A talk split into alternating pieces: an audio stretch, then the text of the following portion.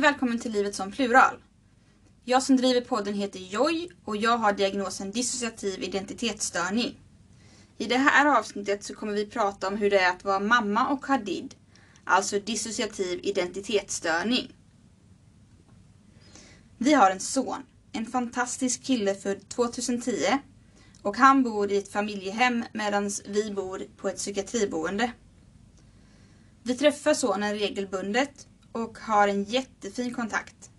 Vi är superstolta över våran fina, fina son. Vårt liv som mamma började då 2010.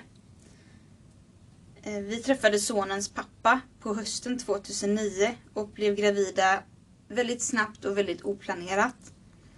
Eh, och ett par månader in i graviditeten så lämnade sonens pappa oss Eh, och varken vi eller sonen har ju haft kontakt med honom sedan dess.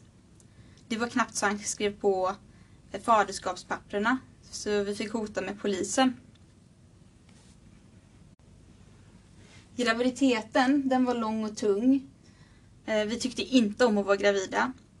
Kroppen förändrades och vi, vi trivdes ännu sämre i den än vad vi gjorde innan. Vi var också jätterädda för att få reda på att det var en son Eh, då vi har väldigt mycket ehm, ja, men vi har svårt med män. Eh, och därför valde vi att göra ett könsultraljud. Eh, och det visade sig att det var en son. Men det bästa var att i samma sekund som, som vi fick beskedet så försvann all oro. Och eh, vi har aldrig, aldrig ångrat för en sekund våran underbara, empatiska och omtänksamma son. Vi planerade i alla fall. Vår son skulle aldrig råka ut för någonting. Han skulle ha den bästa av uppväxter. Så blev det ju självklart inte. Vi är en bra mamma. Vi har alltid varit en bra mamma och kommer fortsätta vara en bra mamma även fast vår son bor på en, ett familjehem och inte hos oss. Vi tycker dock att det är lite svårt um, att känna att vi är en bra mamma. Då vi oftast skäms och eh, känner oss totalt värdelösa. Förlossningen då, den var lång, utdragen och rätt så svår. Jag är 154 cm lång och på det kom det ut en 54 cm lång son. Och han vägde 4300 gram och hans huvudomfång var större än normalt. Han fastnade på vägen ut så de var tvungna att ta honom med sugklocka. Och det enda jag minns från förlossningen det är just när han fastnade eller när jag insåg att han hade fastnat. Då sa jag till barnmorskan att barnet sitter fast. Men hon bara fortsatte. Nej då, det går så bra. Krysta på. Så det slutade med att jag skrek på henne att barnet sitter fast. Ta ut honom. Då blev hon helt likblek och sen så hände det väldigt mycket och till slut så hade vi ett barn Sen har vi också då kort från förlossningen och anekdoter eller återberättningar från de som var med. Jag hade med mig min bästa kompis, eller en utav dem. Jag hade med min syster och jag hade med min pappa som coacher på, när jag var på förlossningen. Ehm, efteråt var vi i alla fall tvungna att åka upp och opereras för att vi eh, slutade inte blöda och det var svårt att eh, se så de kunde sy ihop så att eh, vi kördes upp på operation. Eh, och eh, jag var helt utmattad efter förlossningen. Sonen han var alert och nyfiken från första stund. Han låg aldrig sådär ihopkrupet och eh, kisade som de flesta spädbarnen gör. Eh, utan när han kom ut, han var ju två veckor sen då, så när han kom ut så låg han och liksom söp in hela världen och tittade och var liksom engagerad och intresserad från dag ett. Och eftersom vi inte har någon pappa till sonen så kunde vår bästa kompis som var med på förlossningen, hon kunde eh, ta pappadagarna. Eh, I två veckor så var hon ju hemma hos mig varje dag då. Eh, men sen blev det förlängt då med två till tre veckor till för att vi blev sjukskrivna på grund av förlossningsskadorna. Eh, och det var, det var jätte, jätteskönt att ha henne där i början. Eh, och för att minnas mycket, så mycket som möjligt så har vi fotograferat mycket. Och så frågar vi ofta kompisar och vänner och familj sådär, vad, vad har hänt och hur gick det till och sådär. Men när sonen föddes så bodde vi i förorten, en, ett ganska stökigt område. Eh, och det är fruktansvärt tråkigt att det är ett stökigt område för det ligger så fantastiskt och fint och naturnära. Eh, vi ville ju absolut inte att sonen skulle gå i skola där då skolorna är stökiga liksom området och det gör ju att de håller sämre kvalitet i undervisningen. Så när sonen var drygt tre månader så flyttade min lillebror ihop med sin sambo och hans rum blev ledigt hos pappa. Så vi flyttade hem till pappa eh, för han behövde någon att dela hyran med och vi ville ifrån förorten. Jag och sonen vi trivdes bra hos pappa slash morfar och eh, där bodde vi i tre år. Vi hade vårt lilla rum och så delade vi kök och vardagsrum med pappa. Eh, och när sonen var tio månader så fick vi ett nytt jobb i närheten av där vi bodde då. Så då när sonen var tio månader så fick han börja hos dagmamma. Eh, och vi valde dagmamma för att eh, inte han skulle behöva vara i alldeles för stor grupp på förskolan så tidigt eftersom han inte ens hade fyllt ett. Eh, och sonen han trivdes bra hos dagmamman och vi trivdes bra på nya jobbet som lärare i en lågstadieklass. En 1-3.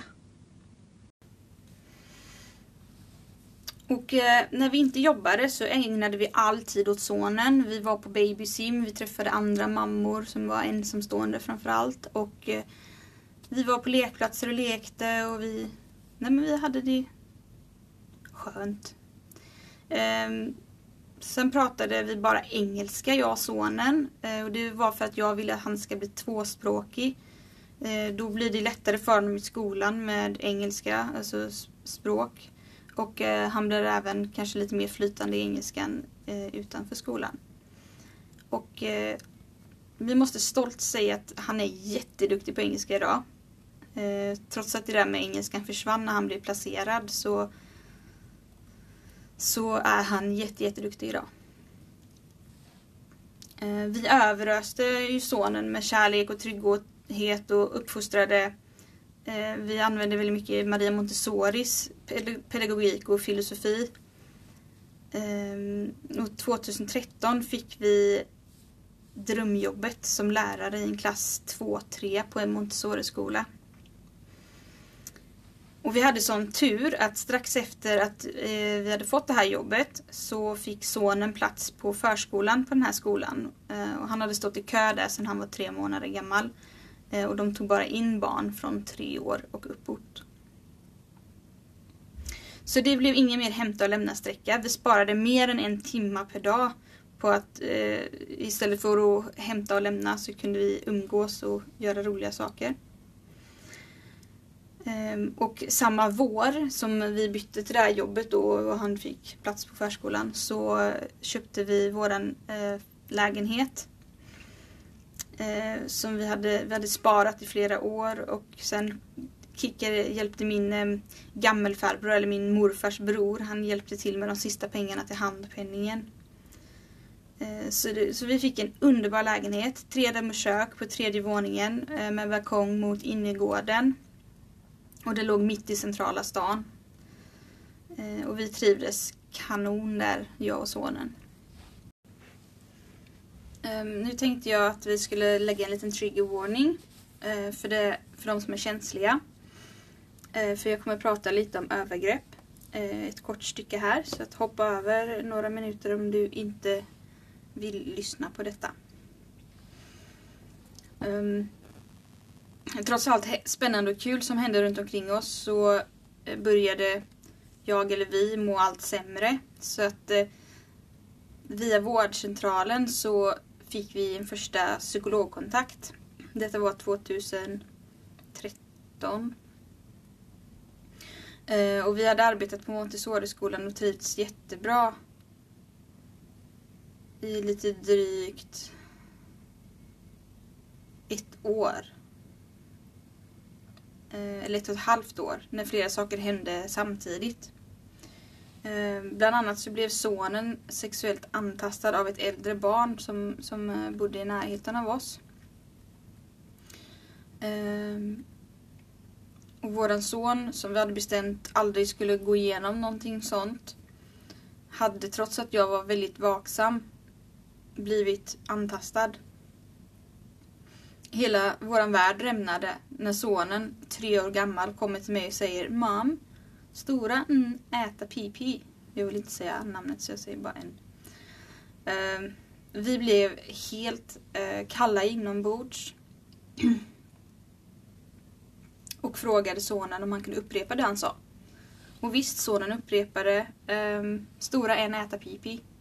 Och översatt eh, till svenska blir detta då ehm, det äldre barnet har alltså haft min sons snopp i sin mun. Och vi var jättenoggranna med att, att ehm, inte ställa ledande frågor eh, och eh, bara be honom upprepa det han hade sagt, sagt då för att ehm, man ska vara lite försiktig i hur man ställer frågor till barn. Så den stora frågan var ju hur, hur hanterar vi det här liksom? Um, vi pratade med skolan och uh, beslutade att göra en anmälan till socialtjänsten. Och socialtjänsten frågade ju den här pojken om han hade gjort det, vilket pojken självfallet nekade till. Uh, och uh, sen försökte de få sonen att berätta vad som hade hänt, men sonen förstod ju inte alls liksom varför han skulle berätta något sånt. jag tror inte ens han tänkte på... Alltså han förstod inte vad de ville att han skulle berätta.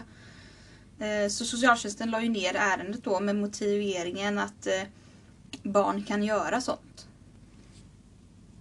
Och jag, eh, jag blir så arg när jag, när jag berättar detta för att vadå barn kan göra sånt? Det är ju he helt totalt oacceptabelt att en 11-åring suger på en 3-årings snopp. Eh, men vi var ju nästan mer oroliga för den här 11-åringen än arga på honom. För att vi undrade ju vad, vad, han hade varit med om för att överhuvudtaget komma på tanken att göra någonting sådant. Um, och då tog det ett par dagar. Uh, och sen ringde pojkens mamma.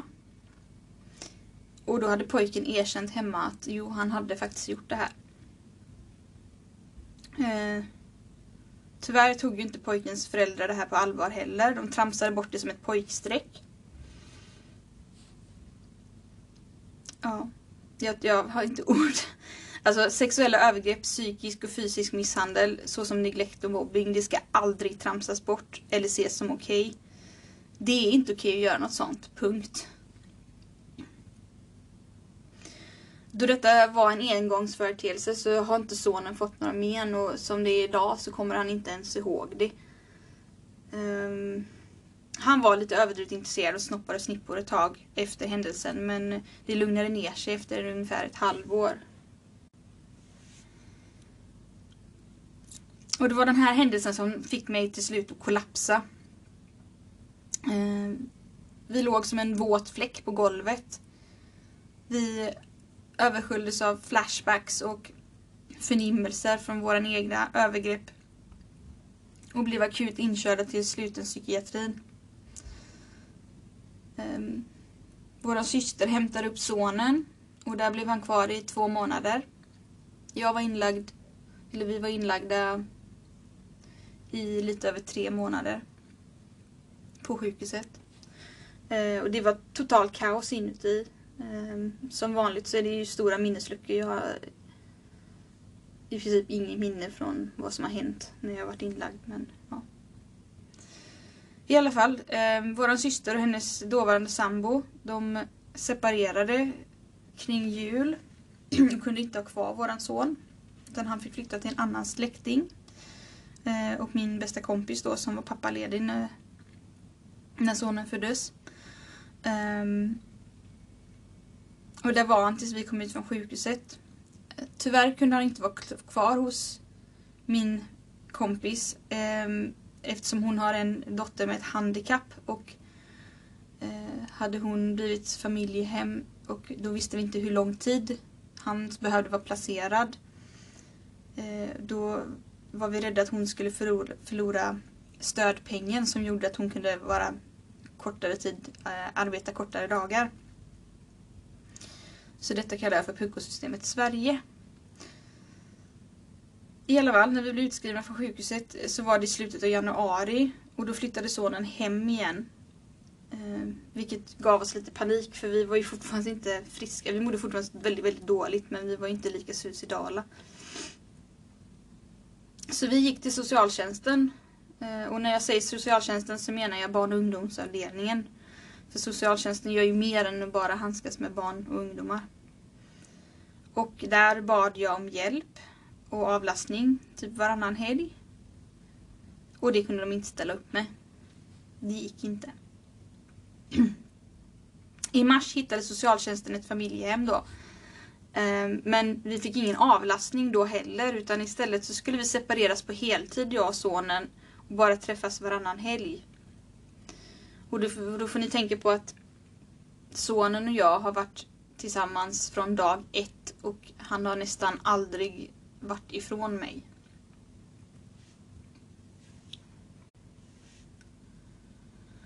Så att eh, vi hade inget val. Vi var tvungna att placera sonen eh, för hans eget bästa. Så vi skrev på och placerade sonen eh, på SOL. Det betyder alltså frivillig placering. Och det är bland det dummaste beslut jag har tagit i, i vårt liv. Det är fruktansvärt att vara beroende av en, en så dysfunktionell organisation som socialtjänsten. Vi blev från, från dag ett blev vi behandlade som om vi var dåliga föräldrar, eller en dålig förälder. Eh, som om vi skadat sonen och som om vi var mindre värda. Och det är nog svårt, alltså det är jättesvårt att placera sin ögonsten hos någon annan. Man känner sig redan misslyckad och värdelös. Och att då från dag ett bli nedtryckt och hotad av socialtjänsten, det hjälper inte. Låt oss göra en sak klar. Vi har aldrig, aldrig skadat våran son. Och skulle aldrig göra det. Vi har inte heller någon gång skadat oss, skadat oss själva när vi haft sonen, för vi har ju ett självskadebeteende. Vi har knappt höjt rösten till sonen. Vi har varit lugna, metodiska och pedagogiska istället för att brusa upp. Så när min son flyttar från sitt trygga liv med sin mamma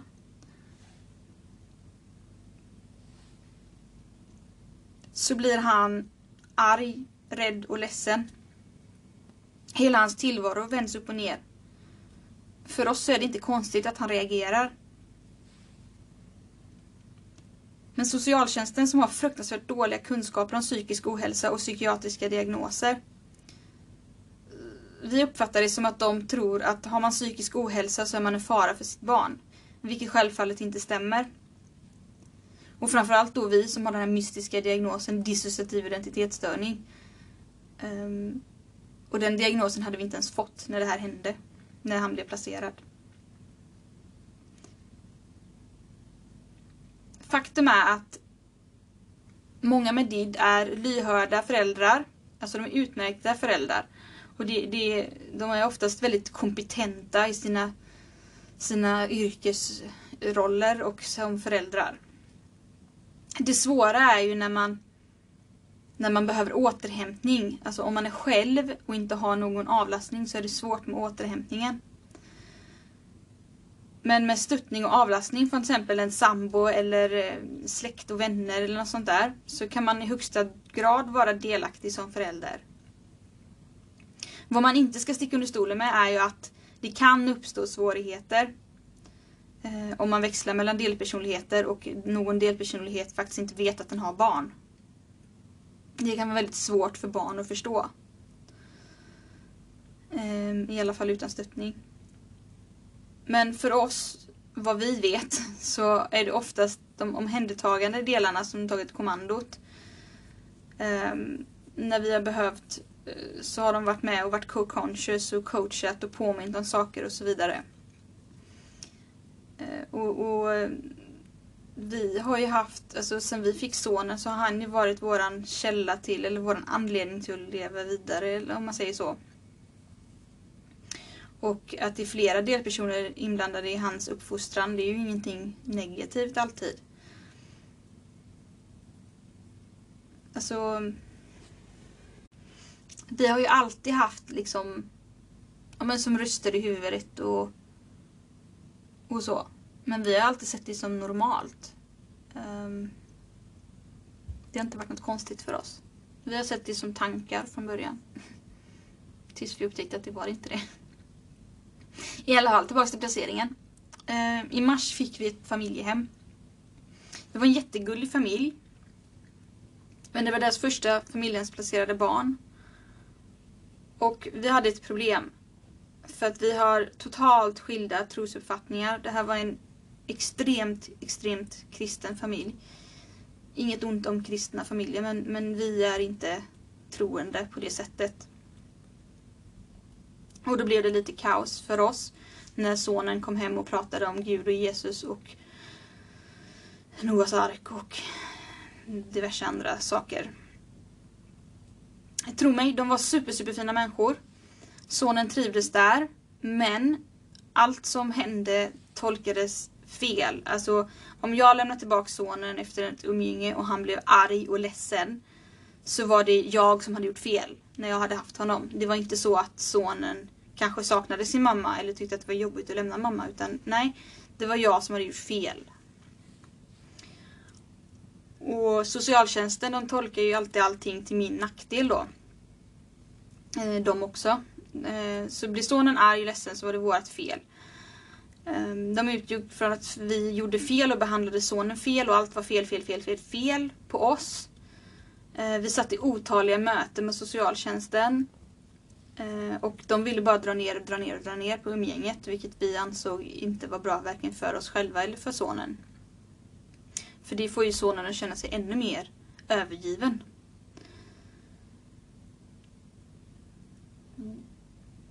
Det värsta tycker jag är att de var inte alltid, alltså jag tycker inte alltid de gör de bästa besluten för sonen. Um, vi känner ju sonen utan och innan. Vi har varit med sonen hela hans liv. Uh, och vi ansåg inte att socialtjänsten alltid tar bra beslut. Um, i varje fall, de hotade ständigt med LVU och LVU står för lagen om vård av unga vilket innebär att man tar barnet mot föräldrarnas vilja. Ehm, det hotade de med från dag ett. Så fort jag inte höll med om saker och ting så var det vi tar honom på LVU om du inte skriver på det här eller tycker det här eller gör så här. För att förklara för sonen varför han inte kan bo hos mig Ehm, så skrev jag en bok, Kottens mamma blir sjuk. Eh, och ritade bilder till. Eh, och den boken handlar om Kotten som är fem år och hans mamma får ledsensjukan och måste vara på sjukhus. Eh, och boken, boken har verkligen, verkligen hjälpt min son att sätta ord och på ehm, och kunna förklara för andra och för sig själva för han faktiskt inte får bo hos mamma. Eller fick då. Ehm, och den här stressen kring att ha honom placerad, den gjorde liksom att vi blev sämre snarare än bättre. Och jag tror att vi hade nog inte varit lika mycket på sjukhus om inte SOS hade drivit oss dit. Ehm, men i alla fall, eh, för varje gång man kom in till sjukhuset så skickade sjukhuset in en orosanmälan till SOS. Ehm, vilket gjorde att vi kanske inte alltid sökte hjälp när vi borde söka hjälp. Utan vi sökte i sista stund och då var vi jättedåliga. Och sonen var kanske ett par år i det här första familjehemmet och sedan sa de upp sig. Eh, för de ansåg inte att kommunen stöttade dem tillräckligt mycket. Eh, och detta var i slutet av maj. Och där stod vi helt plötsligt med sonen hemma på heltid och en hel sommar framför oss. Eh, så jag bad och bönade på mina bara knän att snälla, snälla ni måste skaffa ett annat familjehem. Men det kunde inte socialtjänsten hjälpa till med för det fanns inga andra familjehem. Och de skulle ha semester. Och när vi ifrågasatte hur de, skulle, hur de tänkte att vi skulle lösa det här då om det inte fanns några familjehem. Och då fick eh, vi till svaret att eh, det var mitt problem. de skulle ha semester. Och jag blev så arg inombords när jag, när jag berättade detta för det ledde till så mycket skit för både sonen och mig. Vi fick i alla fall löst sommaren genom att göra ett schema eh, där, vi, där sonen fick hoppa runt, vara hos mig, eh, vara hos eh, syrran, brorsan, kompisar. Ja. Han fick hoppa runt och det var inte bra för honom och det var inte bra för oss. Och det slutade med att vi i augusti bröt ihop totalt igen och blev inlagda på LPT, tvångsvård. För vi ville inte bli inlagda eftersom sonen inte hade något stabilt hem att vara i. Um, och nu när de då tvångsvårdade mig och jag inte höll med riktigt vad SOS tyckte skulle göras. Då tog de, de honom på LVU. Alltså de tog honom på tvång. För nu tvångsvårdades jag och då kan man tydligen plocka barnet. Eh, och vi har ju hela tiden samarbetat med socialtjänsten. Vi har gjort allt för sonens bästa. Eh, men de ska ändå göra den här maktdemonstrationen.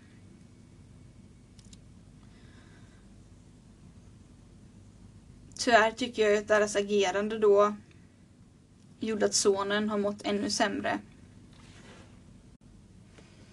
Och de månaderna vi låg tvång, tvångsinlagda eh, då fick vi inte träffa sonen överhuvudtaget och vi fick inte prata med honom i telefon. Um, och jag, jag bara tänker på hur övergiven min son måste ha känt sig. Det bästa var att han var kvar hos några vänner till mig. Eh, för socialtjänsten hade fortfarande inte något lämpligt familjehem. Eh, så att han var kvar där han var när jag blev inlagd, helt enkelt. Eh, tyvärr fick ju den här familjen då inte heller bli familjehem till min son för de hade kronofogds eh, skulder och det kan man tydligen inte ha när man ska vara ett bra familjehem. Och anledningen till att sonen inte fick träffa eller prata med oss var att vi var så tungt medicinerade på antipsykotiska mediciner.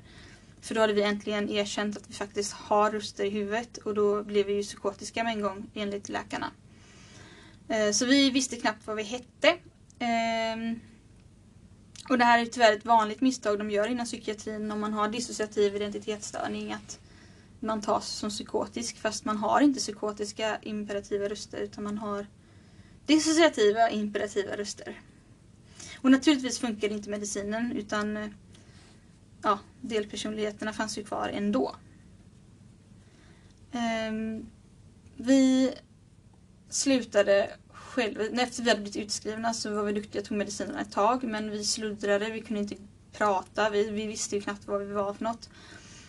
Um, så det slutade faktiskt med att jag, eller vi slutade ta medicinerna. För att vi ville träffa våran son. Vilket resulterade i ytterligare en tvångsinläggning. Men då tvingar de inte i oss lika mycket mediciner då i alla fall. Um, vi hade DBT och grejer under den här tiden. Och sen 2018 så fick vi plats på ett behandlingshem 40 mil hemifrån. Uh, och i samband med det så hittade faktiskt socialtjänsten en riktigt bra familj. Ehm, de bor dock ungefär 10 mil från mitt originalhem och det är väl kanske 20 mil från mitt, mitt, där jag bor nu på psykiatriboendet. Eh, men vad skulle jag göra? Det var ju bara att tacka ja. Eh, och vi klickade faktiskt med en gång med den här familjen, både jag och sonen. Eh, de har flera familjens placerade barn Eh, vilket vi var lite skeptiska till från början. Men eh, det är en helt fantastisk familjehemshem, eller ett helt fantastiskt. Familjen de bor i ett stort hus på en hästgård ute på landet. De är väldigt engagerade eh, och det är alltid de har alltid behandlat både mig och sonen med respekt och värdighet. Ehm, vi känner oss aldrig dumförklarade. Vi får inte skulden för att sonen mår dåligt. Ehm, och framförallt familjen har en vuxen hemma på heltid och en på halvtid. Eh, och vi har ju aldrig, aldrig ångrat att vi tackade ja till den här familjen. Eh, nu har sonen varit där i fyra år snart. Mm. Um, och det är tur att det här familjehemmet är så himla bra för socialtjänsten har inte blivit ett dugg bättre att uh, ha att göra med. De fortsätter behandla oss som om vi vore kriminella och de vill strypa umgänget hela tiden. Uh, först fick vi träffa sonen tre timmar en dag i veckan. Nej, en dag i månaden menar jag, förlåt. Eh, och det var under övervakning. Japp, ni hörde rätt. Eh, vi får inte träffa sonen själva för vi är ju så vansinnigt farliga mot våran son. Eh, och den regeln står kvar ännu. Nu har vi lyckats dela till oss att vi träffas var tredje lördag tre timmar. Eh, och jag kan ju meddela att det tar två timmar att köra till sonen och det tar två timmar att köra hem. Alltså så åker vi fyra timmar tur och retur för att träffas i tre timmar. Eh, så de dagarna då vi träffas så är ju både jag och sonen oerhört trötta efteråt. Ehm, vi har bråkat och bett och bönat på våra bara knän att få träffa sonen oftare men socialtjänsten de har inte ens någon förklaring till varför vi inte får träffas oftare eller att vi inte får träffas själva. De har aldrig förklarat varför. Men de är helt jäkla obevekliga. De har uppenbarligen bestämt att vi är farliga på något sätt. Jag vet inte riktigt hur. Um, men oh, trots allt detta så har vi en väldigt fin kontakt jag och sonen. Han ringer jätteofta till mig och jag ringer till honom ibland. Uh, och han kan prata i över timmen, en och en halv, uh, om allt möjligt. Uh, och han uttrycker också frustration över att vi ses för sällan och för kort tid och sådär.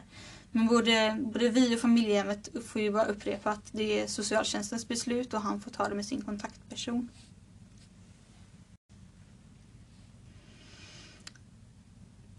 Det känns i alla fall skönt att vi har ett bra samarbete, vi och familjehemmet.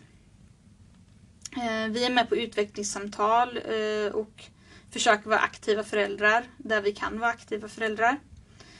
Eh, den största sorgen är väl att vi missar rätt mycket av sonens utveckling.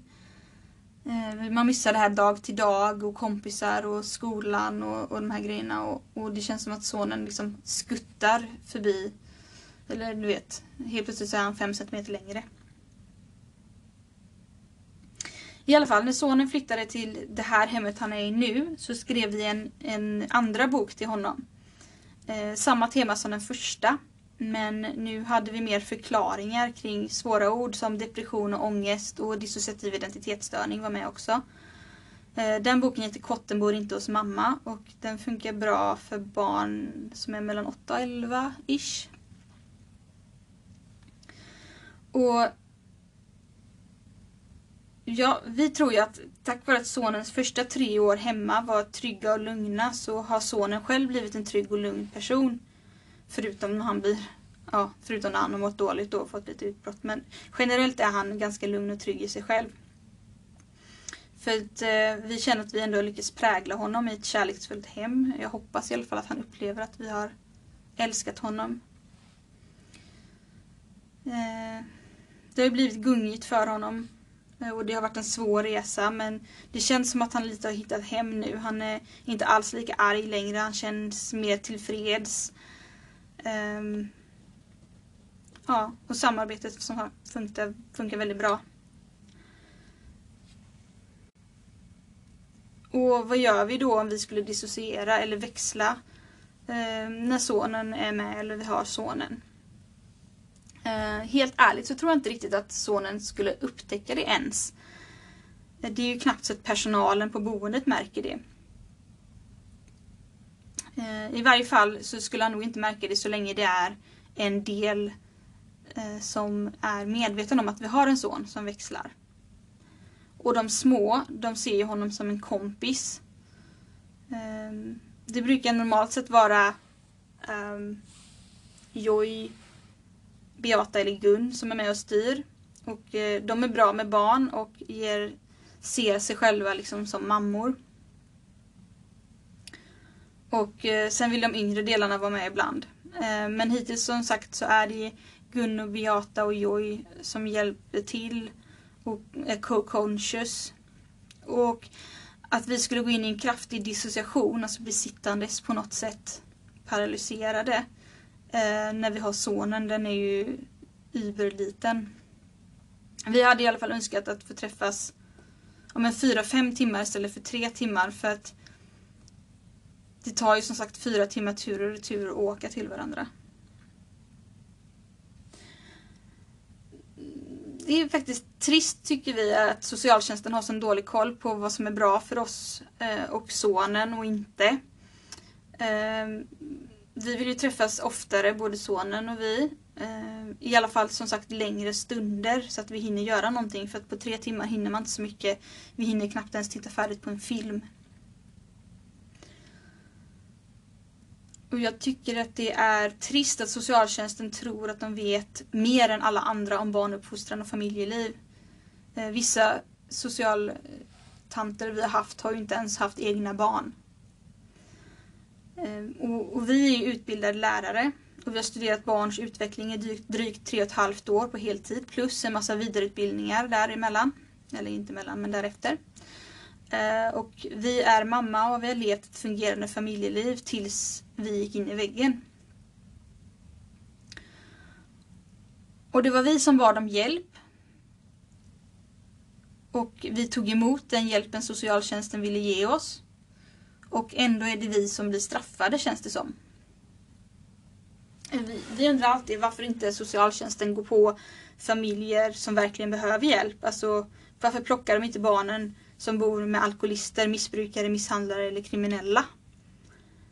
Ehm, för att i våran yrkeskarriär så har vi sett ett antal exempel på barn som blir negligerade eller misshandlade eller sexuellt utnyttjade.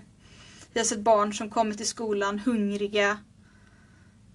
Um, för att föräldern inte var hemma och tog upp dem utan de fick klara sig själva på morgonen helt enkelt och de gjorde inte det.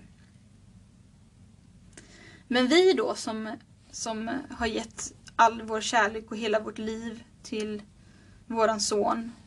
Oss kan de strypa umgänget för, oss kan de behandla för jäkligt känner jag.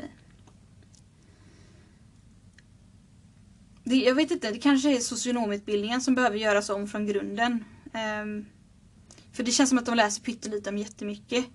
Uh, jag hade hellre sett att det var lite som lärarprogrammet, att du måste inrikta dig på någonting i två, tre terminer.